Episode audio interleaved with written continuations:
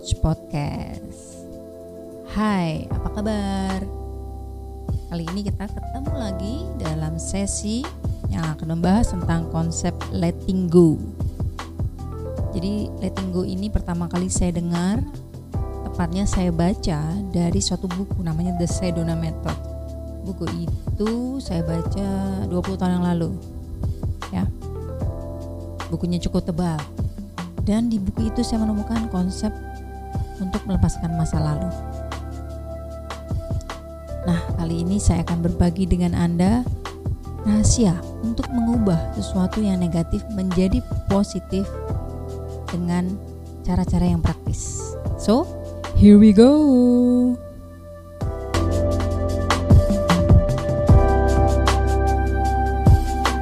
Masa lalu itu ada di waktu yang lalu. Hari ini Anda di waktu sekarang. Masa depan belum terjadi. Masa lalu telah hilang, telah selesai, udah kemarin. Tidak ada yang bisa Anda lakukan untuk mengubah masa lalu. Tidak peduli apa yang telah terjadi.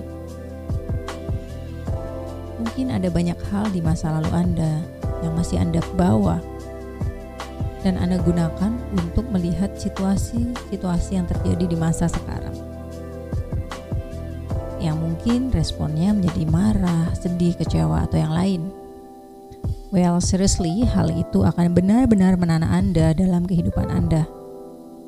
Apa yang sudah terjadi itu sudah selesai. Tidak ada yang dapat Anda lakukan untuk mengubahnya. Hari ini yang dapat Anda lakukan adalah mengubah bingkai, framingnya. Bagaimana Anda melihat situasi sekarang dari masa sekarang. Untuk dapat melakukan hal itu, suka atau tidak suka, Anda harus melepaskannya agar Anda bisa melanjutkan. Yes, I know banyak dari kita telah mengalami kesulitan bertumbuh, mengalami banyak hal yang sangat sulit selama bertahun-tahun, mungkin ada masa kecil yang sulit, ada hal yang tidak bisa kita miliki, atau kita tidak bisa melakukan hal-hal yang sama dengan orang lain, dengan teman-teman kita. Ada hubungan yang tidak memuaskan di masa lalu. Well, bagaimana Anda menggunakan masa lalu itu menjadi lebih efektif adalah mulai melihat hal tersebut dengan kesadaran Anda. Lihatlah, hal-hal tersebut hanyalah peristiwa dan bagaimana Anda memilih untuk menanggapinya 100% dalam kendali Anda. Saya tidak berencana untuk mengecilkan apa yang telah terjadi. Tapi jika hal tersebut tidak menyenangkan, apakah Anda ingin menghidupkannya kembali saat sekarang ataupun di masa depan? Kok menghidupkan kembali, Nat? Yes, my friend. Jika Anda terus fokus terhadap apa yang tidak menyenangkan, maka perasaan Anda juga tidak menyenangkan. Ibaratnya, Anda itu menciptakan perasaan masa lalu di masa sekarang. Siapa yang menghadirkan perasaan itu kalau bukan diri kita sendiri? Dan bukankah itu terdengar seperti hukuman seumur hidup My friend, Anda dapat memulai hidup Anda, hidup yang baru saat ini juga. Karena masa lalu sudah tidak relevan dengan masa sekarang. So, apa yang bisa kita lakukan untuk melepaskan masa lalu dan mengalihkan energi yang selama ini kita curahkan memikirkan masa lalu itu kita pindah untuk mewujudkan impian Anda. So, inilah enam hal yang bisa Anda lakukan untuk melepaskan masa lalu. Let's go. Yang pertama, dari perjalanan masa lalunya, sebagian besar orang merasakan perasaan bersalah dan menyalahkan diri mereka sendiri atas situasi yang telah terjadi. Hmm, mungkin itu salahmu, mungkin juga tidak. Mungkin tindakan dan perilaku Anda telah menyebat mungkin tindakan dan perilaku Anda telah menyebabkan beberapa masalah di masa lalu Anda. Mungkin juga tidak. Tapi satu hal yang bisa saya jamin adalah bahwa menyalahkan satu hal yang bisa saya jamin adalah menyalahkan diri sendiri dan merasa bersalah itu sama sekali tidak akan menyelesaikannya. Masalah tuh nggak selesai dengan menyalahkan diri sendiri atau merasa bersalah.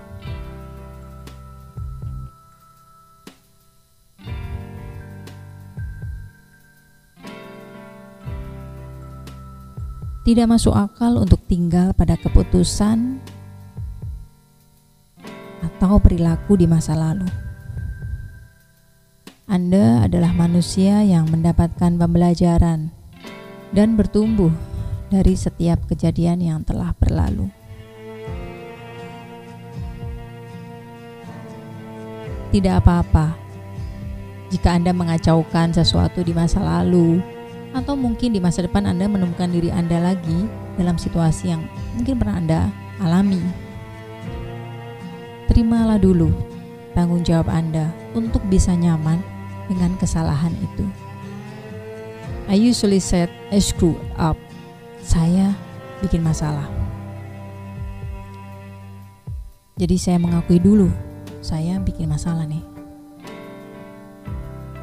Lanjutkan dengan apa yang bisa saya lakukan untuk menjadi lebih baik.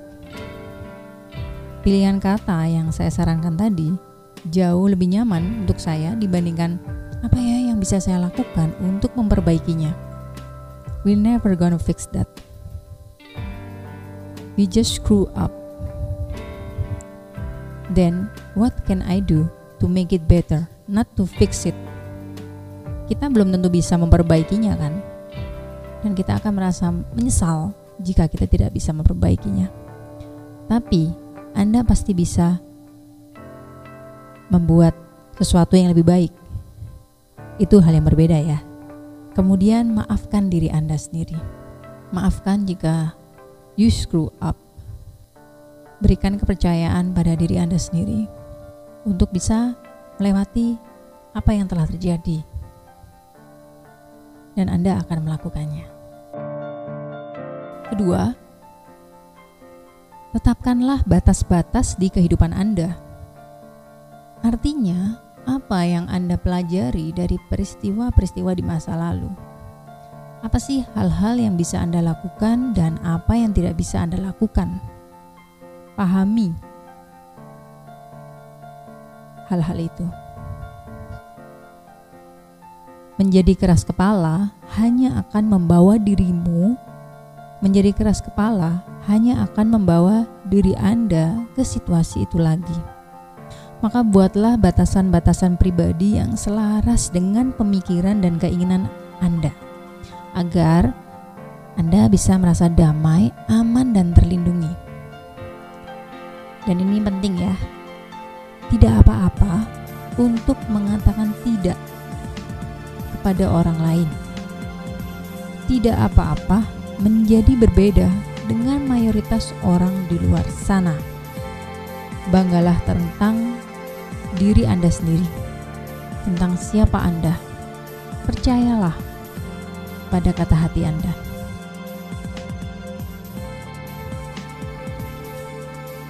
Yang ketiga, akuilah bahwa pengalaman di masa lalu membentuk Anda yang lebih kuat dalam kehidupan. Everything that doesn't kill you will only makes you stronger.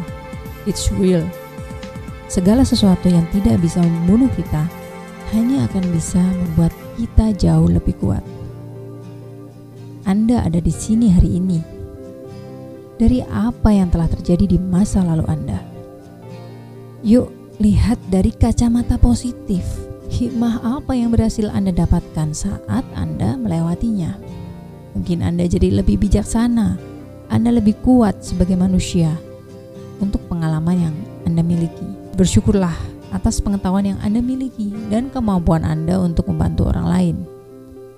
Ingat ya, kita ini terus-menerus berbicara kepada diri kita sendiri dalam pikiran kita. Maka buatlah titik untuk komunikasi yang Anda miliki dengan pikiran bawah sadar Anda. Jika Anda belum bisa memahami bagaimana cara komunikasinya, sadari kata-kata apa yang muncul pada saat ada suatu pengalaman atau peristiwa terjadi. Dan jika Anda berhasil untuk mengambil hikmah positif dari suatu kejadian, berikanlah diri Anda pujian. Yang kelima, pilih lingkaran Anda dengan bijak. Lihat lima orang terdekat Anda, maka taraf kehidupan Anda akan seperti dia. Anda tahu kan, itu hal yang benar. Karena orang-orang itu membentuk kelompok yang bertindak dengan cara yang mirip ini saatnya untuk jujur pada diri sendiri. Apakah kelompok pertemanan Anda mempertahankan cara berpikir yang sehat dan positif? Apakah mereka sesukses yang Anda rencanakan? Atau tidak? Anda akan dipengaruhi oleh orang-orang yang Anda gauli. Dan percayalah, Tugas Anda adalah tidak mencoba dan menyeret mereka ke cara berpikir baru Anda. Mereka harus membuat keputusan itu sendiri. Jika pola pikir mereka sangat berbeda dari Anda, tidak apa-apa untuk berhenti sejenak dari lingkaran pertemanan Anda, lingkaran pergaulan Anda, dan bergeserlah untuk bergaul dengan orang-orang yang menarik hal-hal besar dalam kehidupan mereka. Hal-hal yang Anda inginkan dalam kehidupan Anda. Dan keenam, ini adalah cara paling praktis sekaligus paling terpercaya. Kenapa? Karena manusia itu pada dasarnya butuh partner akuntabilitas yang bisa mempertanggungjawabkan untuk memandu Anda mengerjakan PR-PR tadi anda bisa bertemu dengan coach atau konselor atau terapis untuk membantu Anda melepaskan masa lalu dan berfokus ke masa depan tentunya. Akan lebih baik bertemu dengan praktisi NLP atau CBT untuk melepaskan masa lalu dan menempatkannya ke dalam perspektif yang objektif. Pikirkan, ketika Anda melihat seorang atlet yang berkinerja baik di dunia olahraga, mereka semua itu memiliki pelatih. Jadi, di dunia kehidupan kita, pelatih pun diperlukan. Coach adalah orang yang akan bisa membantu Anda berfokus ke masa depan. So, teman-teman, itu tadi enam hal yang bisa Anda gunakan untuk uh, letting go of your past and move on. Selamat berlatih and see you when I see you. Bye bye.